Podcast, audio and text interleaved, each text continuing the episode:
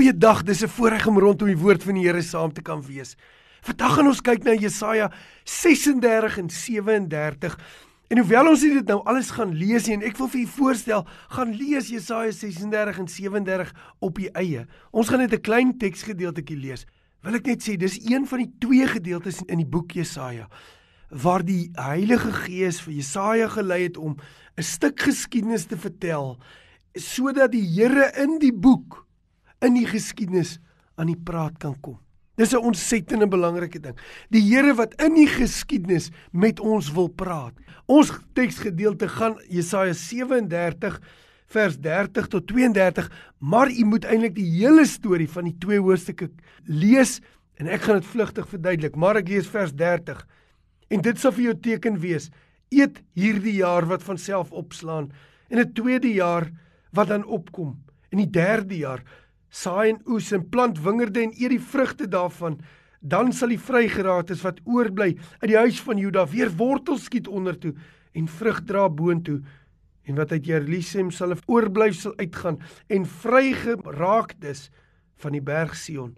Die ywer van die Here van die leerskare sal dit doen. Hierdie frase die ywer van die Here van die leerskare sal hy doen. Wat is die ywer van die Here van die leerskare? En hoe wil die Here dit in ons lewe toepas in hierdie dag? Kom ons vra vir hom. Vader, ek bid dat U deur die Heilige Gees hierdie woord sal lewend maak en dat U vir ons na ons harte toe sal praat. U weet wat is ons behoeftes, U weet wat is ons versigtings, U weet wat is moeilik in ons lewens. Here, ons het U nodig. Ons het U nodig om in U ywer ook in ons lewe op te tree. Leer vir ons wat beteken dit wanneer die Bybel sê die ywer van die Here van die leerskare sal dit doen in Jesus se naam. Amen. Nou moet ek vir eers 'n historiese storie vertel en u kan dit alles eintlik in die meeste daarvan kry in Jesaja 36 en 37. Ons is in die jaar 701 voor Christus en Sanherib die koning van Assirië kom op om Jerusalem te beleer en Jerusalem in te neem. Maar wat voor dit gebeur het is die volgende. Assirië het stadig maar seker gegroei na 'n wêreldmag toe. Stadig maar seker al hoe meer sy invloed begin uitbrei en al hoe meer begin om die hele destydse wêreld te verower. En op 'n stadium met Hizkia wat hier in Jesaja 36 en 37 aan die aan bewind is in Juda in Jerusalem se pa Agas na Assirië toe uitgereik. Hy het Assirië gekry as 'n bondgenoot om hom te help teen die ander lande in die omtrek. Maar met dit het hy 'n kompromie gemaak. Met dit het hy van die aanbidding van Assirië op die hoogtes het hy begin bring in Juda daar rondom Jerusalem en hy het selfs 'n altaar van die Assiriese god neergesit in die tempel. Dis wat hy gedoen het. Hy het dit gaan neersit in die tempel en en dit was 'n gruwel vir die Here en toe kom Hizkia aan bewind. En Hizkia besef dit wat sy pa gedoen het is verkeerd en hy verwyder dadelik die hoogtes en hy haal hierdie gruwelike altaar uit die tempel uit en hy begin weer die pad reg stap. En die koning van Assirië besluit dat dit is tyd om hierdie koning Hizkia 'n les te leer want hy wil nie volgens sy pype dans nie. Hy wil nie toelaat dat die kultuur van Assirië in die tempel van Jerusalem verder heers nie. En dan kom hy op met sy hele leermag, maar op daai stadium het hy die hele wêreld rondom Jerusalem alreeds verower. Selfs Judas se noordelike neefie het hy ook ingeneem. Samaria platgevee.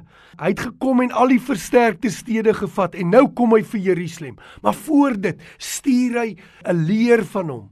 Die koning van Assirië stuur 'n kleiner leer, maar groot genoeg om Jerusalem te vat met die rapsake, sy persoon wat namens hom praat en hy kom en hy koggel die manne en die mense van Jerusalem wat vreesbevange hulle stad sluit met hierdie oormag wat teen hulle kom. Hy koggel hulle en dis waaroor die hele hoofstuk gaan en ek gaan 'n bietjie daarna kyk. Hy koggel hulle.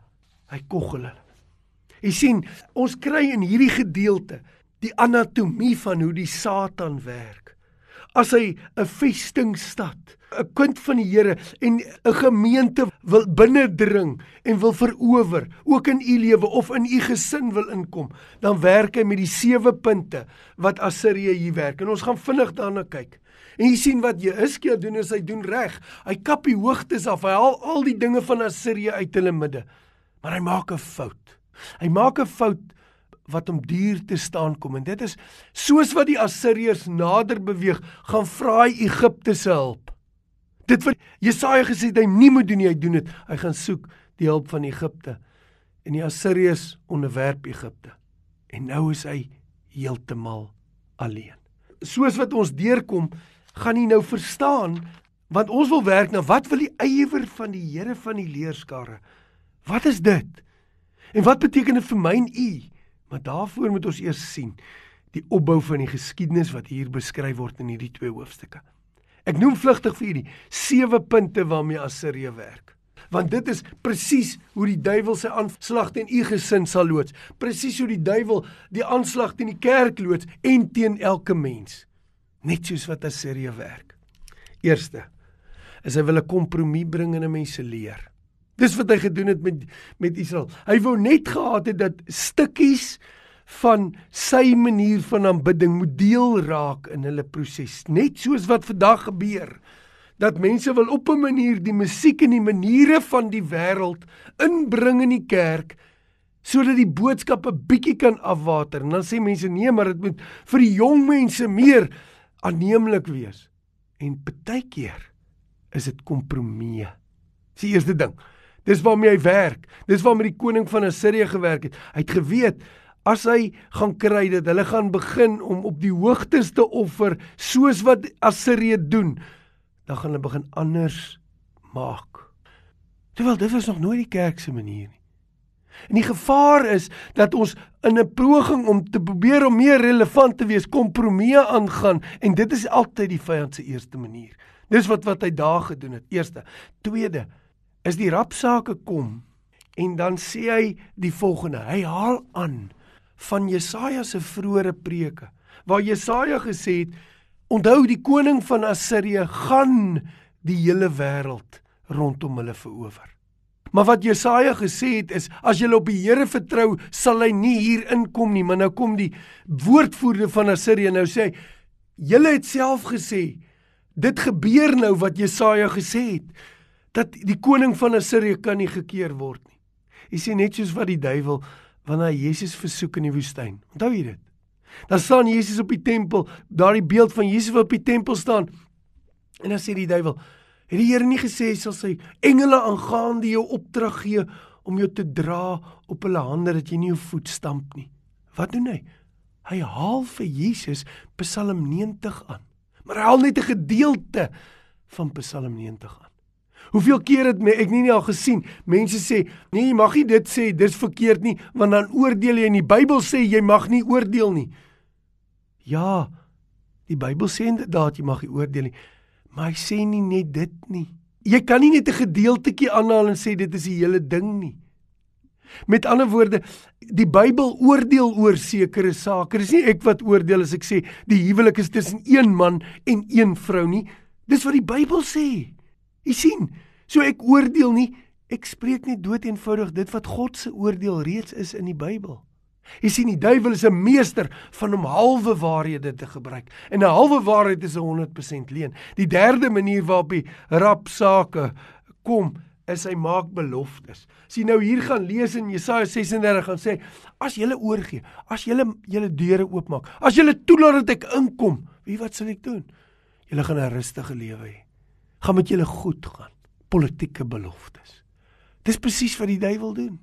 Dis presies wat die vyand doen. Is hy sê as jy dit doen, dan gaan jy gelukkig wees. As jy soveel het, dan gaan jy gelukkig wees. Dan gaan jou probleme op einde wees. Doen net dit, dan gaan jy gelukkig wees. 'n Man kyk na 'n ander vrou by die werk en hy dink, as ek haar sal hê as my vrou, dan sal ek gelukkig wees.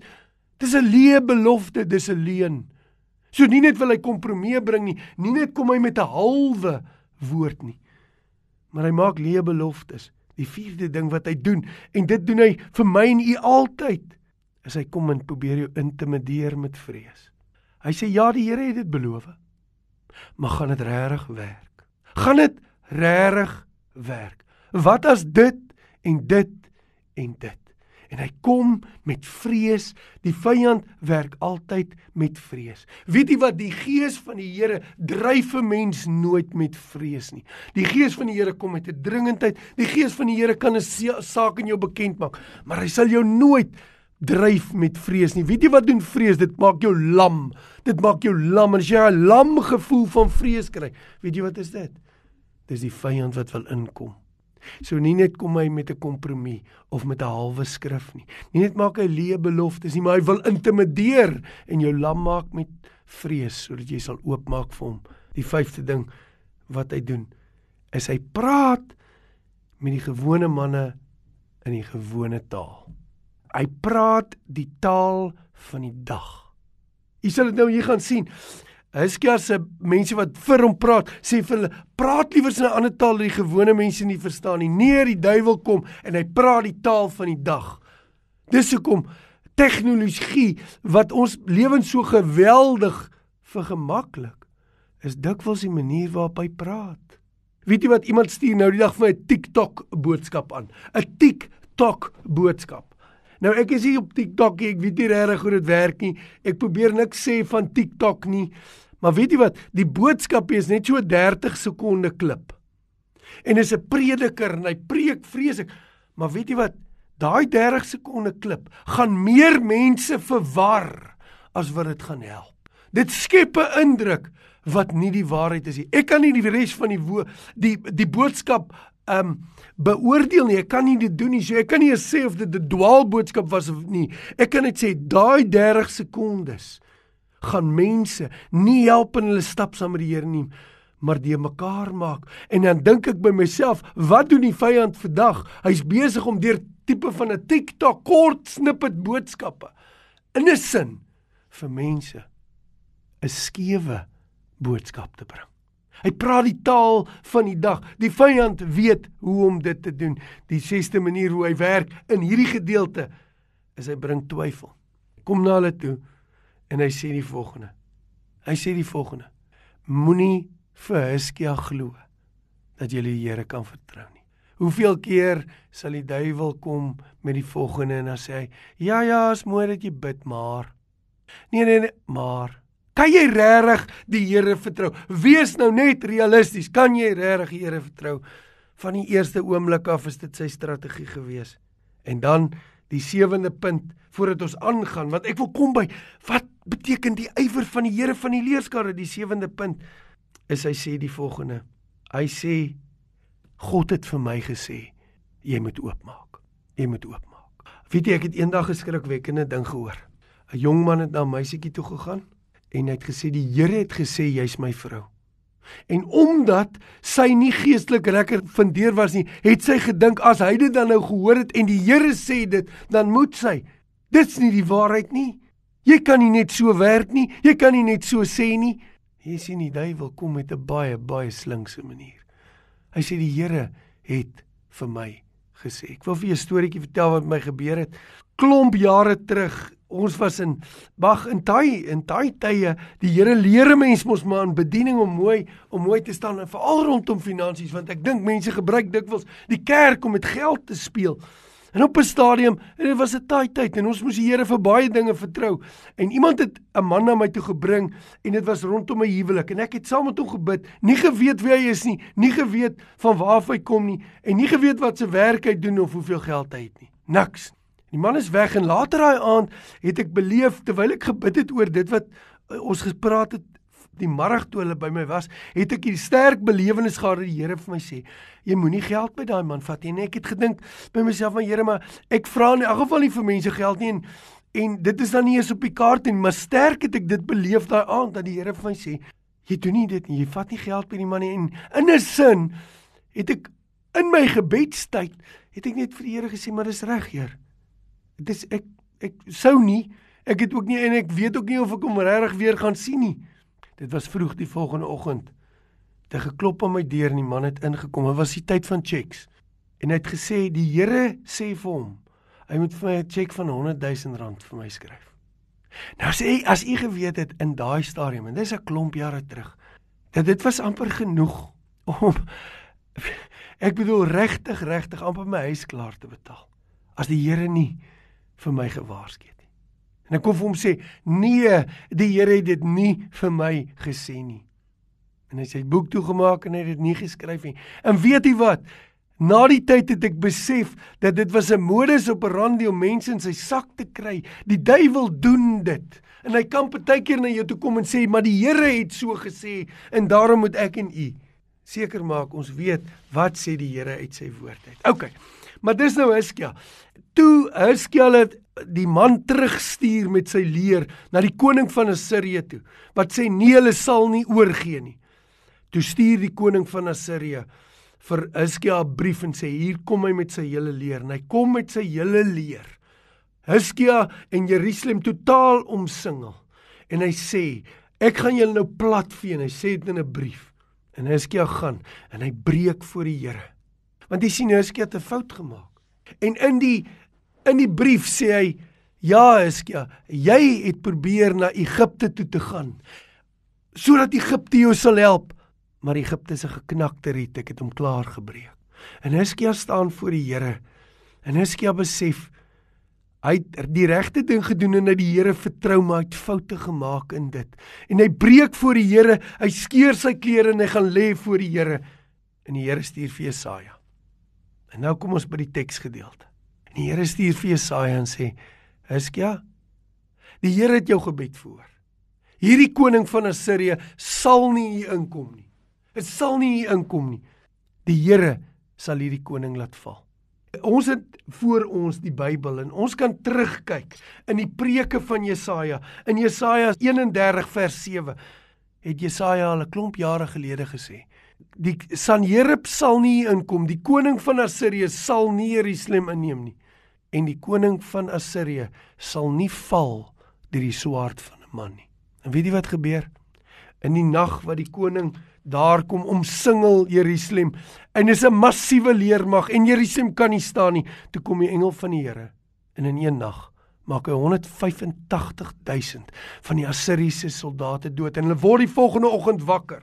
En hulle kyk elke tweede man is dood langs hom en die koning van Assirië gaan sterf tussen die bene terug na sy land en sy eie seuns vermoor hom in sy eie tempel. Presies presies soos wat Jesaja jare van tevore voorspel het gaan gebeur. Ek lees dit vir u. Miskien, miskien dink jy nie dit is die waarheid nie. Ek lees vir u Jesaja 31. Hy sê Assur sal nie val deur die swaard van 'n man nie. 'n Mens sal hom nie verteer nie. Hy sal vlug en sy jong manne sal diespligtig word. Presies wat gebeur. Die engel van die Here kom en maak 185000 mense dood. En Weet jy wat as 'n mens dit alles saam sê dan kan jy sê maar wat 'n wonderlike boodskap dat teen 'n oormag in gaan Hiskia en hy val voor die Here neer en die Here doen 'n wonderwerk en wat 'n wonderlike ding. Dis 'n genoeg boodskap dat u en ek kan sê in jou krisis in jou beleg in waar die vyand wil inkom in jou gesin met sy sewe punte om te probeer om bresse te breek en jou gesin in te neem. Kan jy voor die Here gaan val en die Here sal jou red en hy sal jou hoor soos wat hy vir Hiskia gedoen het. Wat 'n wonderlike boodskap. Maar ons wil uitvind wat beteken die ywer van die Here van die leerskare. Jy sien want die term die ywer van die Here van die leerskare kom net 3 keer voor in die skrif. Een keer in Jesaja 9 wanneer die Bybel 'n beskrywing maak. Die ander keer hierso en die ander ene in 2 Konings 19 wat 'n replika is van wat in Jesaja 36 en 37 plaasvind. Net 3 keer. Eintlik net 2 keer praat die Bybel van die ywer van die Here van die leerskare. Nou wat is dit? Wat is die ywer van die Here van die leerskare? Wat beteken dit? As die woord ywer beteken brand van liefde, energie soos 'n vuur. Wat beteken die brand van die Here se liefde? Wat beteken die energie van sy almag? Wat beteken die vuur van die Here se genade? Hoekom sê hy so spesifiek hier? Die ywer van die Here van die leerskare. Wat beteken dit? Jy weet die skepping van die Here is geweldig. Die Here het geskep. In 'n woord het hy die aarde geskep in 6 dae die hemel en die aarde geskape en alles wat daarin is. Selfs die mens saamgeskape, maar nooit praat die Bybel dat die skepping wek die ywer van die Here van die leerskare op nie. sê ja, die skepping wys vir ons die krag en die wysheid van die Here. Die Here werk wonderbaarlik met Israel deurdat hy hulle verlos in op 'n stadium in 'n lied. Die lied van Moses sê die asem van u mond het die vyande verdelg. Maar nêrens praat hy dat dit die ywer van die Here van die leerskare is nie. Maar tog hier van Hizkia voor hom val. Hizkia wat 'n fout gemaak het om eers te probeer dat Egipte hom help en Egipte kon hom nie help nie. Toe Hizkia voor die Here val en sê Here, help my. Toe sê die woord van die Here: Ek sal jou help. Hierdie beleg sal nie altyd aanhou nie. Die 3de jaar sal daar weer vrug kom. Van die ywer van die Here van die leerskare sal dit doen. En dan vra 'n mens maar hoekom is dit so? Hoekom was dit belangrik vir die ywer van die Here van die Heerskar? Hoekom het die Here hier deur die geskiedenis gepraat? Hoekom wil hy vanaand en vandag met u praat oor die ywer van die Here van die Heerskar? Jy sien dit gaan oor Hizkia se fout. Dit gaan oor Hizkia wat na die Here toe gaan ten spyte van sy foute. Dis waaroor dit gaan. En ons kry in in in Romeine 6 'n beskrywing soos wat 'n mens begin verstaan wat beteken die ywer van die Here van die leerskare? As die Here se ywer nie eers in sy skepping uitgekom het nie, hoekom nou hier sy ywer? Hy sê ons was diensknegte van sonde sê Romeine 6. Maar ons het gehoorsaam geraak. Ons wat diensknegte van sonde was, gehoorsaam geraak in vryheid en diensbaar in geregtigheid. Jy sien hier begin 'n mens ietsie verstaan van waar die ywer van die Here van die leerskare vandaan kom. Hoekom toe Hiskia al het hy foute gemaak na die Here toe gehardloop het, die Here sy verlossing gedoen het. Want jy sien, die ywer van die Here van die leerskare lê daarin dat God ons wat stikkend soos Hiskia in ons sonde en ons foute dood was, dat die Here ons kan lewend maak. Die ywer van die Here van die leerskare gaan oor wat in Adam verkeerd geloop het. Deurdat die mensdom oorgegee is en in sonde en dood gebore word, kom die Here en hy kom herstel ten spyte van foute en sonde, kom die Here en herstel. Maar hy herstel nie net nie. Hoe? Wat is die verskil tussen ons en Adam? Wat is die verskil tussen ons en Adam? Adam het met die Here gewandel.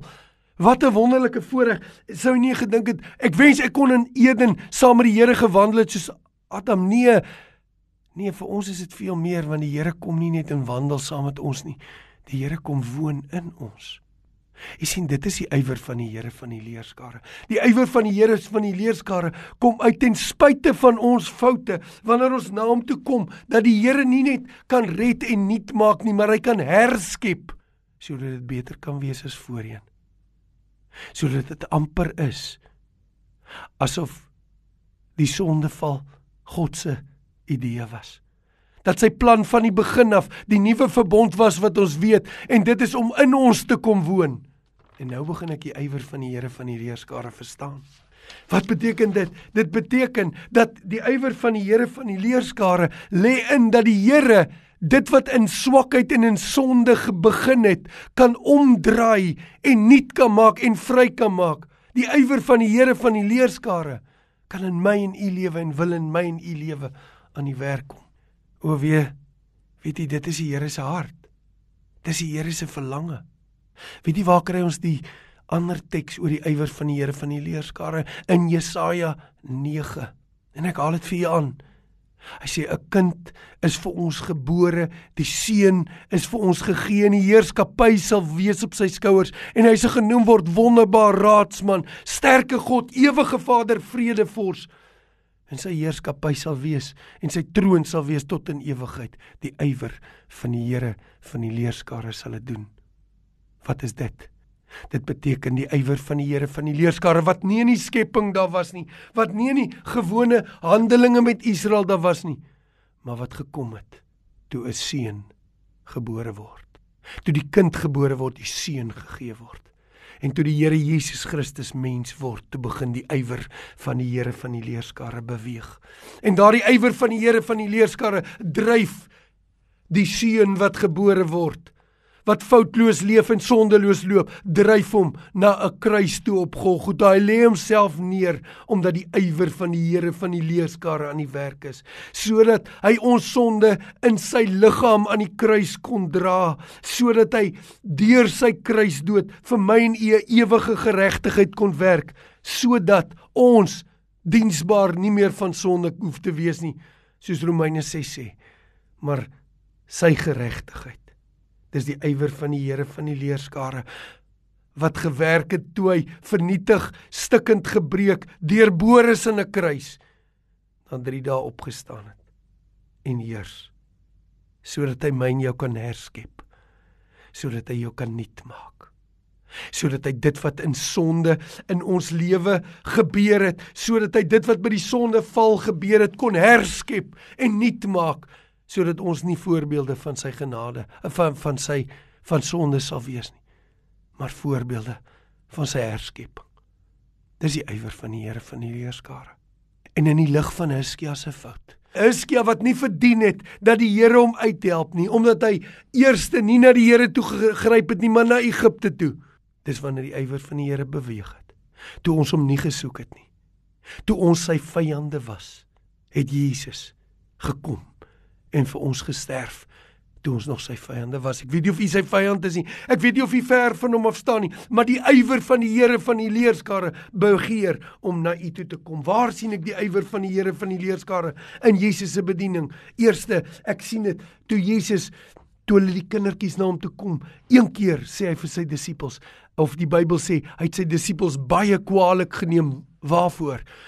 Toe hulle die kindertjies wat na hom toe gekom het, weggewys het. En Jesus sê: "Laat die kindertjies na my toe kom en verhinder hulle nie, want uh, aan sulke is bo die koninkryk van die hemel. Dit is die ywer van die Here van die leerskare en wanneer Jesus die tempel reinig en hulle die ywer sien, dan sien ons die ywer van die Here van die leerskare wat sê: Ek het 'n begeerte om stikkende mense wat wil versoen met my na my toe te trek en die ywer van die Here van die leerskare Maar weet jy waar sien ek dit die beste? In Johannes 4. Wanneer Jesus moet deurgaan op pad Jerusalem toe, dan sê die Bybel en hy moes deur Samaria gaan. Nou die waarheid is die meeste Jode wat van Galilea na Jerusalem toe gegaan het, het nie deur Samaria gegaan nie, omdat hulle nie van die Samaritane gehou het nie, inteendeel het hulle gehaat. Maar die Bybel sê in Johannes 4, Jesus moes deur Samaria gaan. Hoekom? Want die ywer van die Here van die leerskare het hom gedryf, het hom beweeg na waantoe? Na 'n vrou toe. Nie wie nie, 'n slegte vrou toe. Waar? By 'n put. Die mense sê vir ons, die put by Sigar is die diepste put in die Midde-Ooste. Dis 200 voet diep. Die Here gaan na die diepste put toe in die Midde-Ooste om een van die slegste vroue, die slegte Samaritaan te kry. Wie sy? Sy's een wat 5 mans gehad het. Die man wat sy nou het, die 6ste man, is nie haar man nie. En hy as die 7de man kom by haar. Jesus die sewende man. Moes deurgaan. Want hy het gekom om te soek en te red wat verlore is. Dis die ywer van die Here van die leerskare. En hy sê vir haar een van die sewe nooits. Daar's sewe nooits wat Jesus sê in Johannes 4 hy sê die volgende maar elkeen wat drink van die water wat ek hom sal gee sal in al ewigheid nooit dors word nie. Die water wat ek hom sal gee sal 'n fontein word wat opspring tot in die ewige lewe. Jesus sê vir hulle, hoofstuk 6, ek is die brood van die lewe. Wie na my toe kom, sal nooit honger kry nie en wie na, in my glo sal nooit dors word nie. Johannes 6 sê, die Vader gee hulle aan my en wie na my toe kom, ek sal hom wat na my toe kom nooit wegwerk nie. Johannes 10 sê, hulle sal 'n vreemde nooit volg nie. Johannes 10 sê, Ek sal vir hulle die ewige lewe gee en hulle sal nooit verlore gaan nie. Niemand sal hulle uit my hand ruk nie. Jesus sê elkeen wat in my glo sal lewe en in der ewigheid nooit sterf nie. Die sewe nooits. Jy sien die Here se ywer is om te soek en te red wat verlore is is om mense wat dood was lewend te maak. Dis die ywer van die Here van die leerskare. Iemand vertel, hy's 'n New York prediker, hy sê die volgende. Hy sê Hy preek en in hulle kerk kom daar elke Sondag aand net na die boodskap wanneer dit begin glip ou in die galery sit op die hoek en net voor die einde van die diens glip die man uit en eendag besluit hy hy doen iets anders en iemand anders praat hy hardloop om en hy vang daai man soos wat hy wil uitloop En hy sê, "Hoekom glip jy uit voor die tyd? Dit kom uit uit volblown AIDS en hy's besig om te sterf en hy sê hy's vreesbevange vir die dood en hy soek die lewe." En hy sê die voorreg wat hy gehad het om hom na die Here te lei, om hom te doop en om hom te begrawe. Dis die ywer van die Here van die leerskare op stadium in 2005 moet ek 'n span neem Afghanistan toe. Ons sou deur Iran ingegaan het, maar op 'n manier kry ons nie Iranese visum sê ek moet opvlieg Johannesburg toe om te gaan pleit dat hulle vir ons Iranese visums gee. Maar die die man hou vas nee, hy gaan nie vir ons Iranese visums gee nie. Maar in daai tyd, in daai dag bly ek by my pa se suster wat nie gered was nie, wat sterwend was van kanker en ek kry die geleentheid om uit Psalm 49 aan na die Here toe te luister. Gee al lewe vir die Here en die volgende dag is hy dood. Die ywer van die Here van die leerskare wat gekom het om te soek en te red wat verlore is. Ten spyte van jou foute, ten spyte van jou sonde, ten spyte van waar jy is, is daar 'n ywer in die hart van God, 'n ywer om jou na hom toe te trek. Waar staan jy vandag? Sy hart is om jou na hom toe te trek. Mag die Here u seën. Amen.